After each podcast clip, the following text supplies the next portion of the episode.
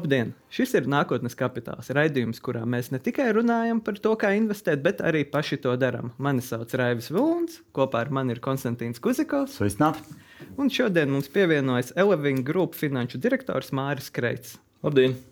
Jā, un kā skatītāji zinās, nu, mēs ar Konstantīnu jau gadu, es vairāk kā gadu, Konstantīns gadu ar pusi jau ieguldu dažādos finanšu instrumentos. Konstantīnam ir klasiskās SP 500 akcijas, man ir Baltijas akcijas, kriptovalūtas, peer-to-peer. Nevienam no mums nav otrs klasiskais vērtspapīra instruments - obligācijas. Un tādēļ arī šodien mēs esam aicinājuši Māri studijā, lai parunātos ne tikai par viņa personīgajām finansēm, un viņa ceļu kā investoru, bet arī par obligācijām un obligāciju tirgu. Jo pēdējā gada laikā šis vārds ir finanšu vidē un arī Mēdījos arī pie mums Delfos ar vien biežāk izskanējis, jo tad, kad kāpj procentu likmes, tad obligācijas tiek minētas kā tīri labs ieguldīšanas veids. Uh, tad, nu, Māri, uh, pirmais jautājums man būtu, uh, kas ir obligācijas un kam ir vērts viņās ieguldīt? Jā. Uh, nu tad, uh, pirmkārt, paldies par uh, iespēju piedalīties. Un tad, uh, atbildot uz uh, jūsu jautājumu par obligācijām, uh, Protams, obligācija tas ir parādu vērtspapīrs. Būtībā tas ir kontrakts. Tas ir tāds pats kontrakts kā aizdevums, aizņēmums. Tas ir kontrakts, kur viena puse aizņemas naudu, otra aizdod, un tā puse, kas aizņemas naudu, apsolīja to naudu atdot noteiktā termiņā ar noteiktu procentu likmi.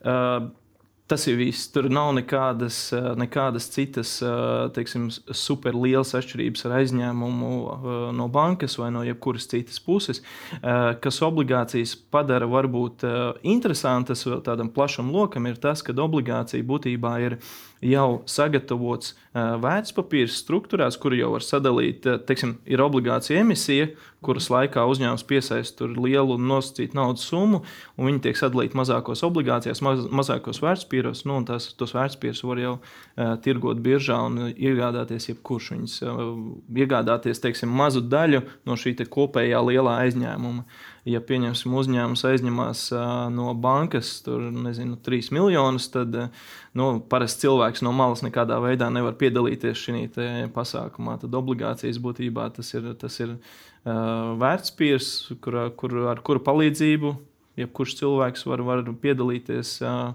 aiz, aizdevumu izsniegšanā.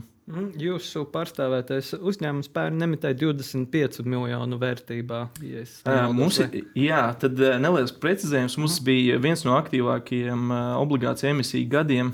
Mūsu uzņēmuma pastāvēšanas vēsturē bija 2021. gads. Mm. Tā laikā mēs emitējām kopumā vairāk kā 205 precīzi 205 miljonus vērts obligācijas. Tās bija trīs obligācijas, trīs laidieni. Uh, Eh, viens trīs miljoni bija eh, tika emitēts Latvijā. Martā viens no mūsu meitas uzņēmumiem eh, zem brenda Mogo emitēja 30 miljonus, pēc tam mūsu mātes uzņēmums, grupas uzņēmums emitēja 150 miljonus, un vēl gada beigās, 31. decembrī, paspējām vēl 25 miljonus emitēt. Kas, tas bija teiksim, tāda atsevišķa obligācija emisiju subordinētās. Tā, mums pieredze obligāciju emisiju tirgu ir ļoti liela, ļoti sena. Uh, pašas, pašas pirmās obligācijas uzņēmums emitēja jau 2014. gada beigās. Tās bija emisija Baltijā, un tā bija obligācija emisija vien tikai divus gadus pēc tam, kad uzņēmums bija nodibināts. Ka mēs, esam, mēs esam bijuši Baltijas kapitāla tirgus dalībnieki jau, nu, jau gandrīz desmit gadus. Un kopumā šo visu darbības laikā mēs esam uh, izla, emitējuši un atmaksājuši kumulatīvi, nesen skaitījām vairāk kā 300 miljonu vērtas obligācijas. Kā, jā. Tas ir iespaidīgi. Jā, un te varbūt par, par to uh, komentāru te vēl var pieminēt, ka īstenībā mūsu grupa ir tāds. Um, Iespējams, viņš ir uh, lokāli netik ļoti zināms uzņēmums, bet pieņemsim tie cipari, kurus mēs uh, noslēdzām pagājušo gadu. Neauditētie cipari bija uh, tādi, ka mūsu kopējā aktīva sasniedz gandrīz 400 miljonus eiro, uh, apgrozījums pārsniedz 180 miljonus eiro. EBITDA, kas ir peļņas rādītājs pirms procentu atskaitījumiem un amortizācijas, mums bija vairāk kā 70 miljoni un neto peļņa vairāk kā 20 miljoni eiro. Uh, būtībā šie cipari, ja viņus tā paskatās, viņi ir ekvivalenti Nu, es teiktu, tādam vienam no top, eh, top lie, eh, uzņēmumiem Latvijā, teiksim, var salīdzināt ar vienu no lielākajiem telekomunikāciju uzņēmumiem. Tie, tie cipari, ko teiksim, LMT vai Tele2 vai TET e būtībā arī spēja, spēja parādīt. Tas ir nu, tāda, tāda izmēra biznesa. Tikai atšķirība ir tā, ka mēs darbojamies 12 valstīs un 3 kontinentos. Mm. Nevis tikai šeit. Un kāda bija uh, kupona likme šīm uh, obligācijām, ko jūs pērn izdevāt? Jā, um, attiecīgi skatītājiem pateikšu, tas nozīmē, ko investori varēja nopelnīt. Jā, jā tad uh, pirmās obligācijas, 3 miljonu vērtas obligācijas, nenodrošinātas obligācijas, tām kupona likme 11%. Tālāk nodrošinātām obligācijām 9,5, tie bija 150 miljoni. Tās obligācijas eh, tika emitētas un listētas Frankfurtē. Pirmās tika Baltijas biržā eh, emitējām un nolistējām. Un pēdējās 25 miljoni tās ir subordinātas obligācijas, būtībā, ja tā var teikt, riskantākās no visām trim, jo atrodas teiksim, aiz visiem nodrošinātiem un nenodrošinātiem kreditoriem tieši pirms akcionāriem tādī, teiksim, tādā atmaksas struktūrā. Tad, un tam bija vislielākā likme, tām ir 12% plus 6 mēnešu eribors. Un uz šo brīdi tā obligācija nu, dod vairāk kā 14% atdevi ieguldītājiem. Mhm. Man šķiet, ka mums vajadzētu skatītājiem paskaidrot, ko nozīmē nodrošinātas, nenodrošinātas mhm. obligācijas. Varbūt jā. īsi. Jā, pavisam īsi. Tad ļoti līdzīgi kā ar aizņēmumiem, aizņēmumu var aizdot ar, ar, ar, teiksim, ar solījumu atdot vienkārši. Un, teiksim, var aizdot uzņēmumu uz biznesa plāna pamata un tas ir viss. Vai arī var aizdot pretī ņemot ķīlu, tur, vai nekustamo īpašumu, vai kustamo jebkuru īpašumu, kas pieder uzņēmumam. Un tad, tā, tad mūsu gadījumā nenodrošinātās obligācijas ir obligācijas, kur ir noteiktas prasības finan attiecībā uz finanšu rādītājiem, kas mums jāievēro, bet tas principā ir arī viss. Un nodrošinātās ir tādas, kuras mēs nodrošinām ar mūsu aktīviem, kas mūsu gadījumā ir teiksim, portfelis, ar ko mēs darbojamies šajās visās valstīs, kurās mēs esam. Tas ir mūsu tā ir ķīla, ko mēs piedāvājam investoriem. Gadījumā, ja notiek defaults uz obligācijām, tas nozīmē, ka netiek veikta procentu atmaksa laikā, vai arī netiek atmaksāta pamatsumma laicīgi, tad, tad iestājas tas defaulta gadījums, kura laikā visi investori, kreditori var prasīt ķīlas, ķīlas realizāciju lai saņemtu atpakaļ. Pirms dažām nedēļām pie Olgas Dragaļas ciemos bija uh, AirBaltic šefs. Uh mhm. -huh. Un uh, šīs sarunas laikā viņi pateica par to, ka jau tagad AirBaltic obligācijas attiecīgi tirgojas ar kaut kādu 30% jā. no tās vērtības. Atlaid, jā. Tas nozīmē, ka principā nu, tie, kas nopirka, netic tam, ka šīs obligācijas atnesīs to ienesīgumu. Uh -huh. Kā jūsu gadījumā, vai tad, kad jūs emitējat to visu, vai tā vērtība, procenti izskatās ļoti solidi. Mm -hmm. Bet kāpēc viņi ir augsti? Tāpēc, ka ir augsts risks. Jā. Un tas ir risks to nedabūt vispār. Mm. Kā jums, vai jūs sekojat tai cenai? Jo, principā, jūsu galvenais uzdevums bija izdarīt pašu sākumu, dabūt jā. to naudu. Jā. Un pēc tam viss tā notiek tā tirgošana. Jums vairs tas, nu kā, jums vajag izpildīt tikai to, jā. ko jūs uh, obligāti beigas apsolīt. Kā tagad? Uh, ir tā, ka uh, pirmkārt uh, mēs īstenībā ļoti sekojam mūsu obligāciju cenām, tāpēc, kad, kā jūs minējāt, jā, tas ir svarīgi, tāpēc, ka mēs, mēs neplānojam un neizlaižam obligācijas tikai vienreiz uzņēmuma mm. dzīvē. Mēs redzam, ka mēs to darīsim pēc diviem gadiem, pēc trīs, pēc pieciem. Tas ir, tas ir veids, kā, kā mēs būtībā, tas ir kapitāls, ko mēs aizņemamies, ko mēs investējam tālāk un ģenerējam teiksim, uzņēmumu peļņu. Līdz ar to mēs zinām, ka mēs kapitāla tirgos Eiropā esam uz palikšanu, uz, uz, uz nenoteiktu laiku. Un, līdz ar to mums ir ļoti svarīga šī otrreizējās tirzniecības cena, lai mēs redzētu un justu investoru sentimentu. Mēs redzam, ja cena obligācijas tirgojas ar atlaidi, tad, tad investori nav ar kaut, kaut ko mhm. apmierināti. Mēs bieži vien arī tad, mums ir teiksim, ceturkšņa platforma, kuras ietvaros mēs prezentējam visiem investoriem savus rezultātus, atbildam uz jebkuriem jautājumiem, ja, kas tiek iesūtīti jebkādā veidā. Tos var uzdot dzīvē, var, var uh, sūtīt uh, uzrakstītus. Un būtībā cenšamies kliedēt jebkādas šaubas investoriem, jo principā kas, kas investoriem ir pats, pats sliktākais, tā ir neziņa, jo tajā brīdī sākās spekulācijas pieņēmumi un beigu beigās, kas var novest pie panikas. Un mūsu gadījumā tas ir, mēs, mēs to ļoti, ļoti svarīgi uztveram un mēģinam novērst šos te, šo te neskaidrību, neziņu. Tāpēc arī nu, viens no priekšnosacījumiem, lai uzņēmums vispār varētu veiksmīgi startēt un darboties Eiropas kapitāla tirgos, ir, ir atvērtība. Mhm. Uh, atvērtība ar finanšu rezultātiem, ar biznesa plānu, ar nākotnes plāniem. Tas jā, ir, ar investoriem ir jākomunicē un investoriem ir jādod šī informācija. Nu, kāda tagad ir sekundāra tirgu jūsu obligācijas? Jā, tad mūsu sekundārais tirgus obligācijas, kas ir uh, emitētas un listētas Baltijas biržā, tātad 3 miljoni un 25 miljoni abas, uh, cik man pēdējā reize skatoties, zināms, tirgojās ar prēmiju. Tātad viņas ir uh, pat, uh, pat ar, ne, ar nelielu prēmiju. Savukārt tās lielās obligācijas, kas tirgojas Frankfurtas uh, biržā, viņas tirgojas, uh, viņas tirgojas ar atlaidi. Uh, viņas tirgojas ar atlaidi aptuveni 5% robežā robežās. Tātad tā nav 30% mm -hmm. atlaide, bet tie ir 5%.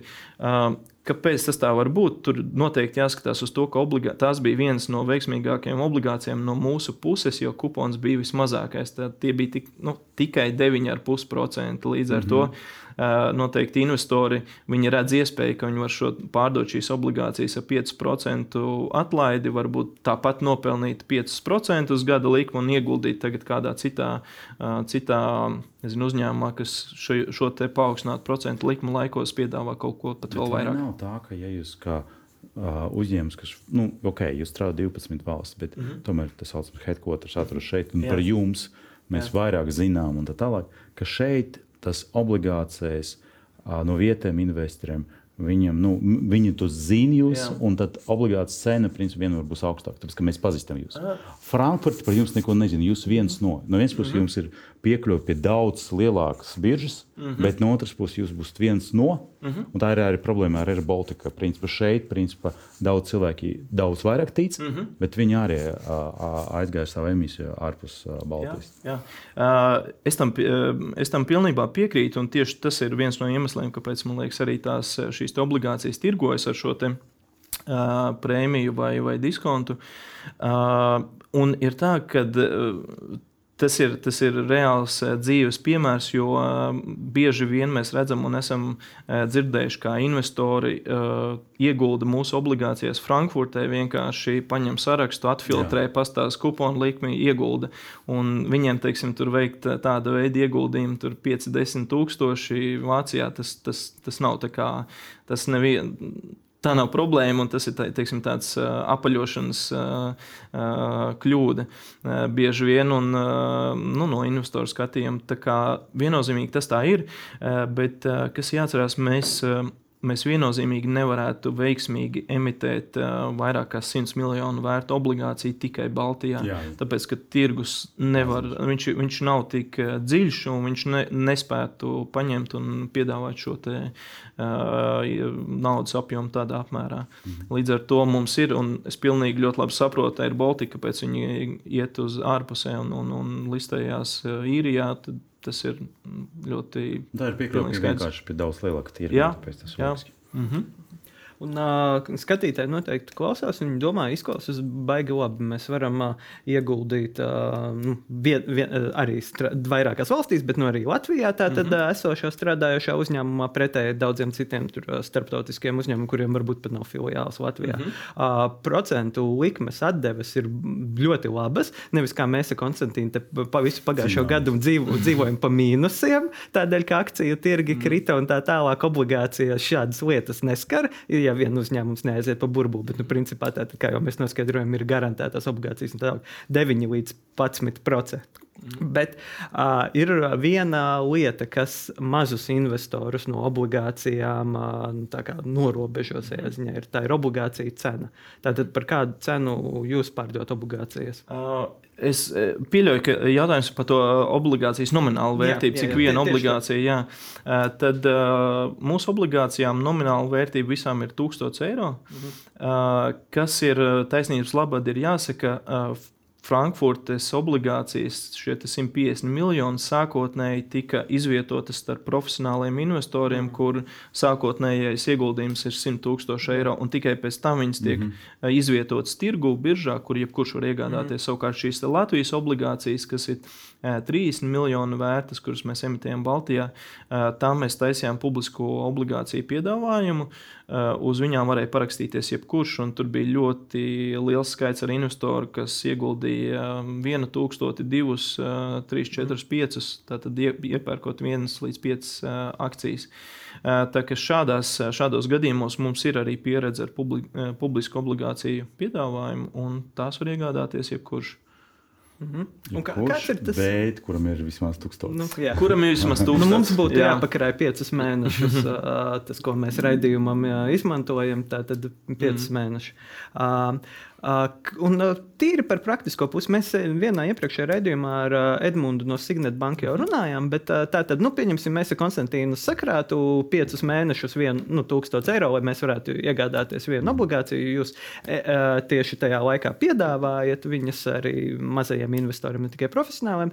Kas mums būtu jādara? Kāds ir tas ceļš, lai es varētu tikt pie obligācijas? Jā, nu tad principā ir tā, ka šī publiskajā obligācija emisija piedāvājumā katram uzņēmumam ir īstenībā ļoti jārūpējas par, par to, lai investoriem šis ceļš būtu ļoti skaidrs. Es esmu redzējis pietiekami daudz emisijas, kur, kur tev tiešām ir jāgooglē, jāiet un jāskatās, jāmeklē šis veids, kā uz viņām parakstīties. Savukārt, kā mēs to varbūt darījām, mēs bijām izveidojuši speciālu teiksim, mājaslapu, kur, teiksim, kur bija pieejama jebkuram, un tur bija mēģinājumi maksimāli ātri novadīt investoru līdz, līdz pareizai atbildēji, atkarībā no tā, kurā bankā viņiem ir. Viņiem ir šis vērtspapīra konts. Tad, tad, principā, šī iegāde vai parakstīšanās uz obligāciju pirmreizējā izvietošanā notiek vienkārši rakstot ziņojumu jūsu, jūsu bankai. Attiecībā uz publisko obligāciju emisiju bija arī noteikti bankām ir sava veida formas, bet tas tas veids, ar ko noteikti ir jāsāk, ir jāpārliecinās, ka ir vērtspapīra konts atvērts. Un eh, tajā brīdī ir eh, būtībā jāseko eh, paziņojumiem biržā, kad uzņēmums iet ārā, iet, ir gatavs šīs obligācijas piedāvāt. Nu, un, ja tā Ja tā informācija nav redzama internetbankā, es zinu, ka Svetbankā pie neseniem tirgus paziņojumiem to var redzēt. Citās bankās iespējams tas atrodas citās vietās. Ja to nevar redzēt, tad vienkārši jāraksta, jāraksta bankai ziņojums ar, ar ziņu, kad vēlas iegādāties. Uzzināt par to, ka tagad ir kaut kāda obligāta emisija. Jā, tad, tad mūsu gadījumā, kā, kā atkal mēs to darījām, pirm, protams, tā primārā informācija nāk caur biržu. Uh, birža ir tas, uh, tā, tā vide, caur kuru uzņēmums atklāja jebkuru informāciju informāciju, komunicēja ar investoriem, bet uh, tas, ko mēs darījām papildus, mēs arī jā, vienkāršā veidā reklamējāmies. Uh, arī mums bija arī baneris Delfos. Un, uh, pirmkārt, tā ir reklāma, un otrā veida, ot, vēl veids ir, protams, izvietot informāciju mūsu mājaslapā un, un tam līdzīgi. Bet jā, nu, tas, ir, tas ir sava veida nu, pārdošanas kampaņa, un tas ir ļoti atkarīgi no katra uzņēmuma, cik, cik viņi ļoti mm, plašu viņu veids. Jo es kaut ko pamanīju, ka tad, kad indeksu gāja, kad mm -hmm. vīrši gāja uz IPO, tad attiecīgi Tur bija redzams kampaņas. Tas jā, bija redzams, un jā. arī tiksim, tā ir banka, kur man ir vērtspapīra un ieguldījuma konta. Es to visu redzēju. Mm. Par obligāciju man vispār nav. Man liekas, tas ir tik sarežģīti nopirkt. Jā. Turklāt viss tas stāsts par tām valsts obligācijām, ka 0,5% mm -hmm. ienestīgumu. Ai, nu, nafik, kas saka. Tas ir pārāk sarežģīti. Un kas vēl, teiksim, kas, kas es visu laiku mēģinu tomēr operēt ar kaut kādām mazām summām un attiecīgi, lai sadalītu tos riskus. Un tad, attiecīgi, tas summa, ko jūs pieņemat, nu, tas ir pietiekami daudz. Bet okay, tas mm -hmm. ir mhm. sekundārs jautājums. Mm -hmm. Primārs jautājums, vai vispār man patīk tie procenti. Mm -hmm. Īpaši pēc tā, ka mēs gadu mocējamies, mēs, es esmu malācis, es apsvēru SP5, man minus 3, mm -hmm. tad, kad ne minus 2, bet man nav plus 10, ko jau gandrīz jūs apsolījat. Un tā tālāk. Un tāpēc priekš, es saku par to domāt. Jo, jo tas, tas svārstības vēl tirgu būs, un obligācijas sākas daudz interesantāk. Mm. Bet, eh, ok, birža Mm -hmm. Es nezinu, kad tu vispār pēdējo reizi skaties kaut ko biržā. Nu, es skatos, jau es rakstu.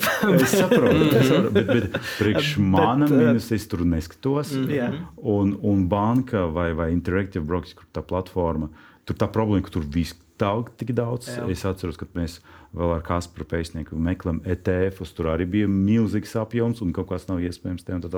Kāds ir varbūt kaut kāds vienkāršākais veids, kā to uzzināt?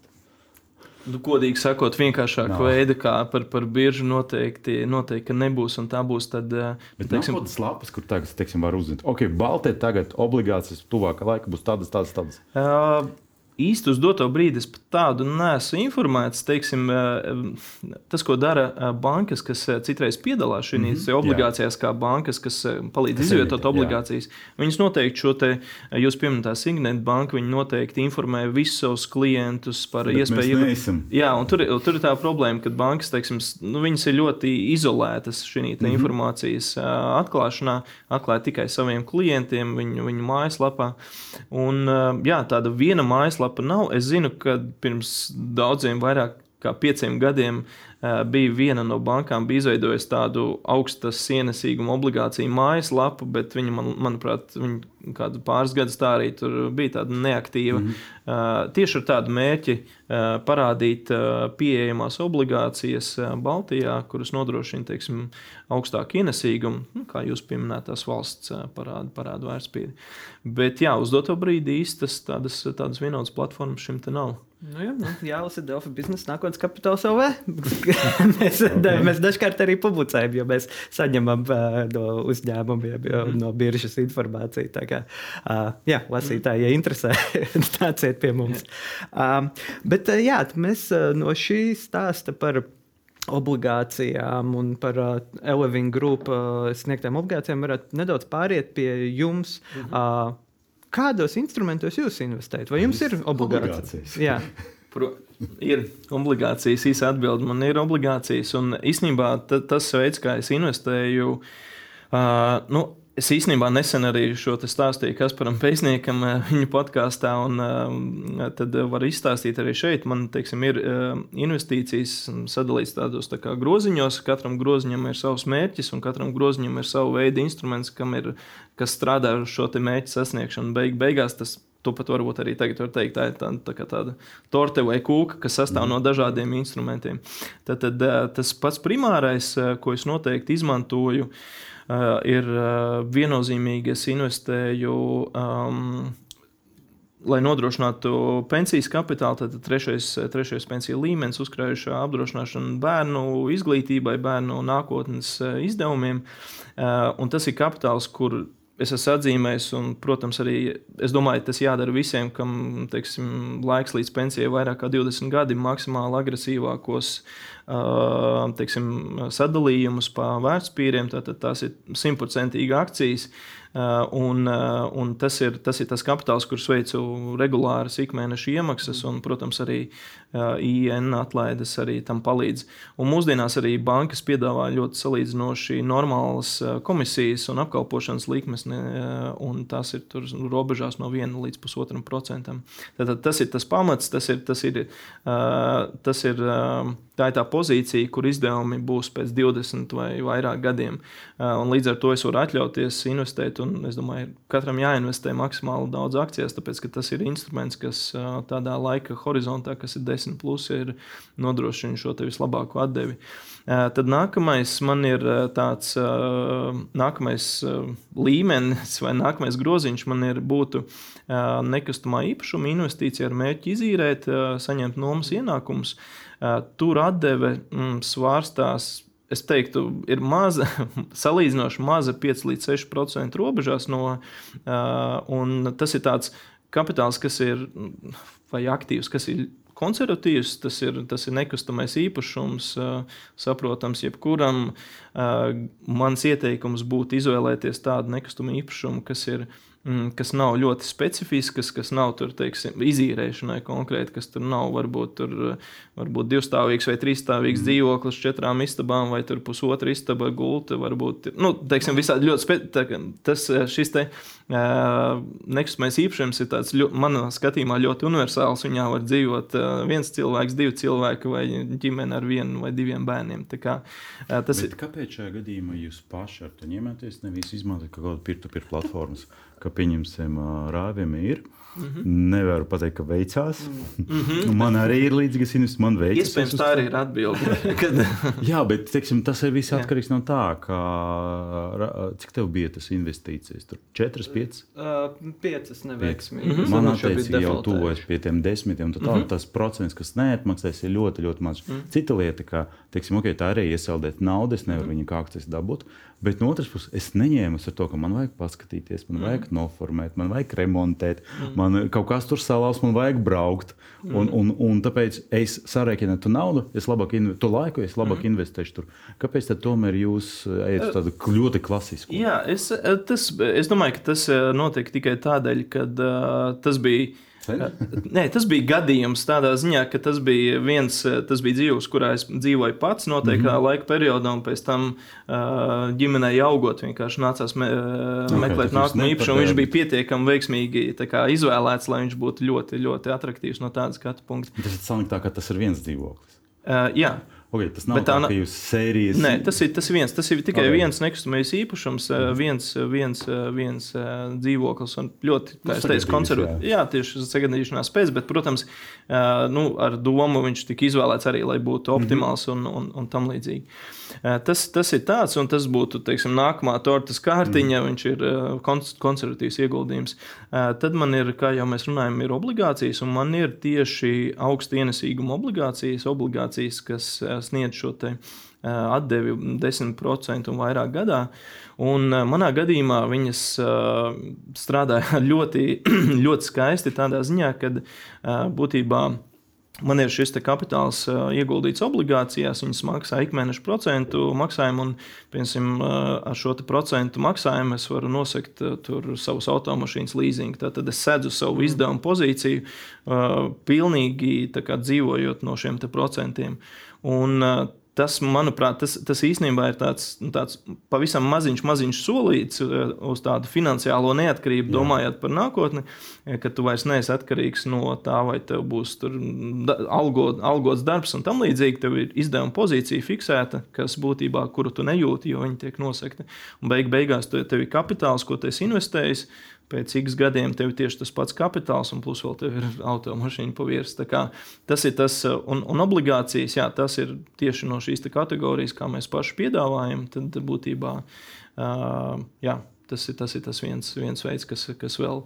Uh, kas ir viens no tādiem pamati, pamatiem manā ieguldījuma portfelī.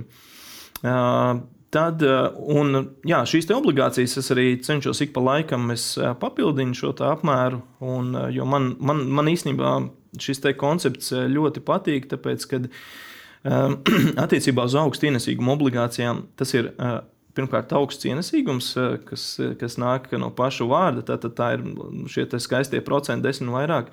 Bet uh, vēl otrs moments, tā ir, tā ir noteikta naudas plūsma, Un trešais, tā nav tās volatilitātes. Teiksim, jūs mhm. pieminējat SP, viņš varbūt pagājušā gada laikā nokrita pat līdz mīnus gandrīz 30%, mm -hmm. tagad ir mazāk. Nu, nav šīs neskaidrības, kas ar to kapitālu notiek. Tu neesi, tu neesi tik emocionāli piesaistīts un tik emocionāli atkarīgs, un tev, tava, tava, tava emocionālā labklājība nestaigā līdz tavam ieguldījumam. Un, jā, tā kā teiksim, tādam jā, tādam vidējam investoram, es domāju, ka viens no pamatiem noteikti augstu ienesīgu obligācijas būtu. Mm. Man, teiksim, manā portfelī gandrīz 20% ir tā saucamie tēvi. Mm -hmm. un, un principā es nedomāju, ka tagad, skatoties to, un ETF, kas kopē SP 500, mm -hmm. tā tālāk, es skatos uz to, ka nu, varbūt pat nevajag. Jo dažas akcijas noteikti pērkam daudz labāk. Mm -hmm. Ar ko man ir jāsāk, lai teiksim, šo naudu uh, ieguldītu obligācijas? Kur man tas atrast? Tas, jo es saprotu, jūs esat mm -hmm. šajā biznesā, tāpēc Jā. jūs zināt, to, kā to izmantot, jūs zināt, kur tos meklēt. Teiksim, jūs ieteikumi, kur reizes varu meklēt? Es sāktu noteikti ar, ar biržu. Tas ir pirmais, uh, iet Nasdaq Baltika uh, biržas mājaslapā Tur ir diezgan, diezgan tā uzskatām redzams akciju saraksts, obligācijas saraksts. Mm -hmm. uh, uzklikšķinot uz obligācijas sarakstu, var redzēt visus uzņēmumus, kas ir uh, biržā. Var filtrēt, var filtrēt pēc viņu ienesīgumiem, pēc, pēc industrijas. Un uh, iet tur, lai saprastu, kas, kas tirgū tiek piedāvāts, uh, tad, uh, protams, uh, vērts ir uzklikšķināt uz katru no šo, šiem mm. emitentiem, lai saprastu, vai vispār ir piedāvājums obligācijām. Jo bieži vien ir tā, ka obligācijas tiek emitētas, bet neviens viņas netirgo. Viņas tur un, un, tikai sekundāra tirgu. Un, un arī sekundārajā tirgo nevienmēr ir piedāvājums. Okay. Uh, bet, jā, būtībā sekot līdzi, tas, tas ir tas pirmais avots, bet uh, noteikti es mēģinātu arī um, ļoti daudz lasīt. Uh, dažādas portālus un ziņu, ziņu, ziņu avotus, un konkrēti pasakot šiem uzņēmējiem, pirms veikt kaut kādu ieguldījumu, mm -hmm. bet kā tādu uzskatāmu kopēju sarakstu, es noteikti sāktu ar okay. Baltijas biežu. Divi jautājumi vēl. Pirmais mm -hmm. jautājums par IPO. Pieņemsim. Tas, obligāts, tas ir gandrīz kā IPO, mm -hmm. jo pēc uh, emisijas tas cenas var nokrist, Jā. vai viņi var izaugt. Mm -hmm. Nesen es rādīju uh, Raivim, kā pēdējā gada top 20 uzņēmumi, kas aizgāja uz biržu, uz IPO tikai ASV, tikai 2 no 20 vispār tagad kotējas visas tas cenas. Mm -hmm. Un tie vārdi, ko mēs mhm. zinām, viņi ir daudz, daudz mazāki. Šajā gadījumā, kad man būtu labāk, vai iet uz to un meklēt kaut kādu emisiju, kas ir absolūti jauna, un tad piedalīties, pierakstīties, mm -hmm. vai tomēr iet uz to sekundāru tirgu? Um. Tāda, teiksim, no riska perspektīvas, sekundārais tirgus, bet arī tirgus skatoties uzņēmumu, par viņu iegūstot informāciju, Jā. lasot, uzņēmums tāds, kurš jau ir atmaksājis kaut kādas obligācijas un izdevis jaunas, kuram ir šis te, uh, Angliski runājot, track record vai Jā. pieredze, uh, izdot, atmaksāt, un viņa ir veiksmīga, uh, un viņš nav ne uz vienām obligācijām nodefaultējis, nekādas problēmas par viņu nevar atrast. Tā, tas būtu vislabākais teiksim, tā, no uh, riska perspektīvas, uh, kur sākt kur pamēģināt, lai neuzkāptu uz kaut kādas, uz kaut kādas problēmas. Jo pati pirmreizējā emisija uh, augstu ienesīgumu obligāciju tirgu vai vispār obligāciju tirgu, viņa nāk ar savu daļu riska, tāpēc ka tas ir pilnīgi nevienam nezināms mm. uzņēmums, kurš pirmo reizi iet publiski parāda savus finanšu rādītājus, uh, kuru jūs pirmo reizi saskarieties ar uh, uzņēmumu vadītājiem, viņus iepazīstat un, uh, un teiksim, ir šī te noteiktā neskaidrība, bet kā no teiksim, tāda mazāka riska viedokļa, es noteikti sāktu ar uzņēmumiem, kas jau ir daudzus gadus bijuši biežā, kuras un kuri jau veiksmīgi atmaksājuši obligācijas un pārfinansējuši. Tāpēc, kad arī obligācijas atmaksāt un pārfinansēt, tas ne visiem uzņēmumiem izdodas. Ļoti bieži uzņēmumi arī lūdz, ne, ne bieži, bet teiksim, kritiskās situācijās, kā pieņemsim tagad, ir, kad, kad akciju cenas krīt, ir, ir arī uzņēmumi, kuriem ir teiksim, problēmas ar obligāciju sekšanu. Nu, nesen, man liekas, šonadēļ Šveices banka Credit Suisse tika tiek pārņemta no UBS, mhm. un viņi, piemēram, norakstīs 18 miljardus obligāciju, un tās obligācijas vienkārši pazudīs. Tas nu, nozīmē, ka es pieņemu, ja man būtu, es neko nesaņemtu. Tā gadījumā neko. Jā, mm. jā. Bet tās bija, tās bija teiksim, no banku perspektīvas, tās bija visriskantākās obligācijas, kas tika izdotas pašā, pašā, pašā bankā. Un tad pēdējais jautājums mm -hmm. no manas būs tieši par obligāciju. Jo mēs visu laiku diskutējam, kas ir labāk, SP 500 vai attīstības Baltijas akcijas.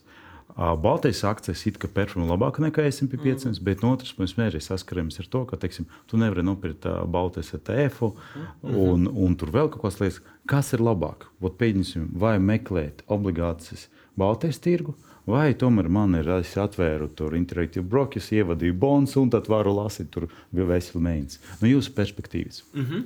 uh, Īpaši tagad, jo daudzi saka par to, ka jā. ASV tirgus pārvērtēts un jāiet un arī investori iet uz Eiropas tirgus, Azijas tirgu un tā tālāk. Mm -hmm. Es domāju, te iet, te iet roku, roku rokā tas uh, risks un, uh, risks un ienesīgums. Jo būtībā šie Eiropas vai vispasaules uzņēmumi, kas piedāvā obligācijas, uh, tie ir uzņēmumi, kurus, kuriem seko līdzi visa pasaule mm. investori. Viņi, uh, tur nav šīs noteiktās, nav, tas tirgus nav mazs. Un uh, tas, kas bieži ir sastopams Baltijas tirgu, ir šie uh, nezināmie vai ne līdz galam saprastie uzņēmumi no obligāciju perspektīvas. Un, no mana skatījuma, teiksim, Baltijā vai šāda veida uzņēmumos var atrast šo vislabāko riska, riska ienesīgumu attiecību, tāpēc, ka šādi uzņēmumi piedāvā labu ienesīgumu, bet risks nav, nav tik augsts, tāpēc, ka jā, nu, viņiem savā ziņā viņi viņu, viņi tiek kā, sodīti pēdiņās ar to, ka neviens par viņiem daudz nezina, ka viņiem nav tik liels investoru sekotāju lokus, un līdz ar to viņi nespēja varbūt piedāvāt obligācijas par 3-4%, kā piedāvā ļoti lielu uzņēmumu pasaulē. Jā, tā kā no, no riska, riska un atdeves perspektīvas es, es sāktu ar Baltiju. Mm -hmm. mm. Paldies! Mhm. Bet no. Nu. pa virsmu tam obligācijām vēl ir akcents. Jā, jā no, procentuāli cik ir daudz? Uh, es teiktu, tā, ka uh, tad būtībā mm, nekustamais īpašums un obligācijas būtu apmēram vienā apmērā. Mm. Vienā, vienā apmērā tad es teiktu 20, 30% plus 30%. Mm -hmm. uh, un tad, uh, tad pa virsmu, kas, kas nāk, un tad būtībā tas, kas Tas, kas pa virsmu vairāk ir, tas manā skatījumā ir tāds, ko es turu savā kā tādu iespēju kapitālu.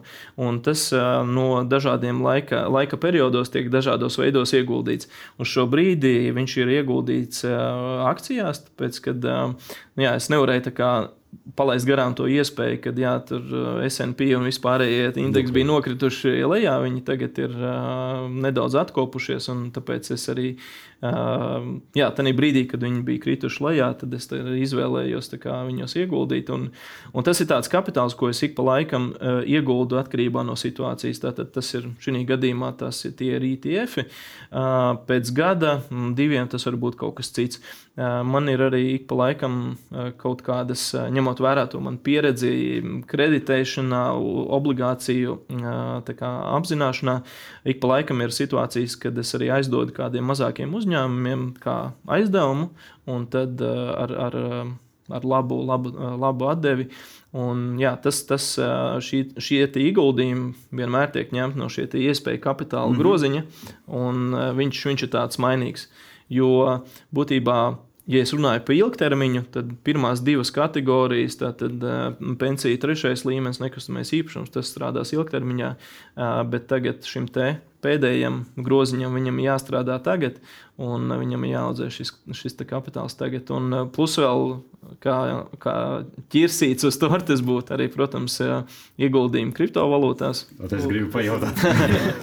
Tā kā es. Jā, un kā jums veicās ar kriptovalūtām? Viss pozitīvi. Bet, tikai... Kā viņu vai jums? Man, bet uh, tikai tādēļ, ka, jau, ka man tā tēma uh, ir ļoti interesanta. Tas būtu jau tā tāds hobija tēma, ļoti, ļoti interesanti sekot tai līdzi. Uh, tāpēc, ka, tikai tāpēc, ka es sāku ar, ar šo te.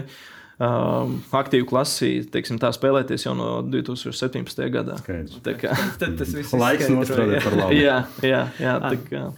Nu jā, tad, uh, Paldies! Es teikšu paldies uh, Mārim Kreicam par mm -hmm. stāstu par to, kas ir obligācijas un kā mēs tajās varam ieguldīt un uh, kādas uh, mācības uh, skatītāji var paņemt. Teikšu paldies Konstantīnam.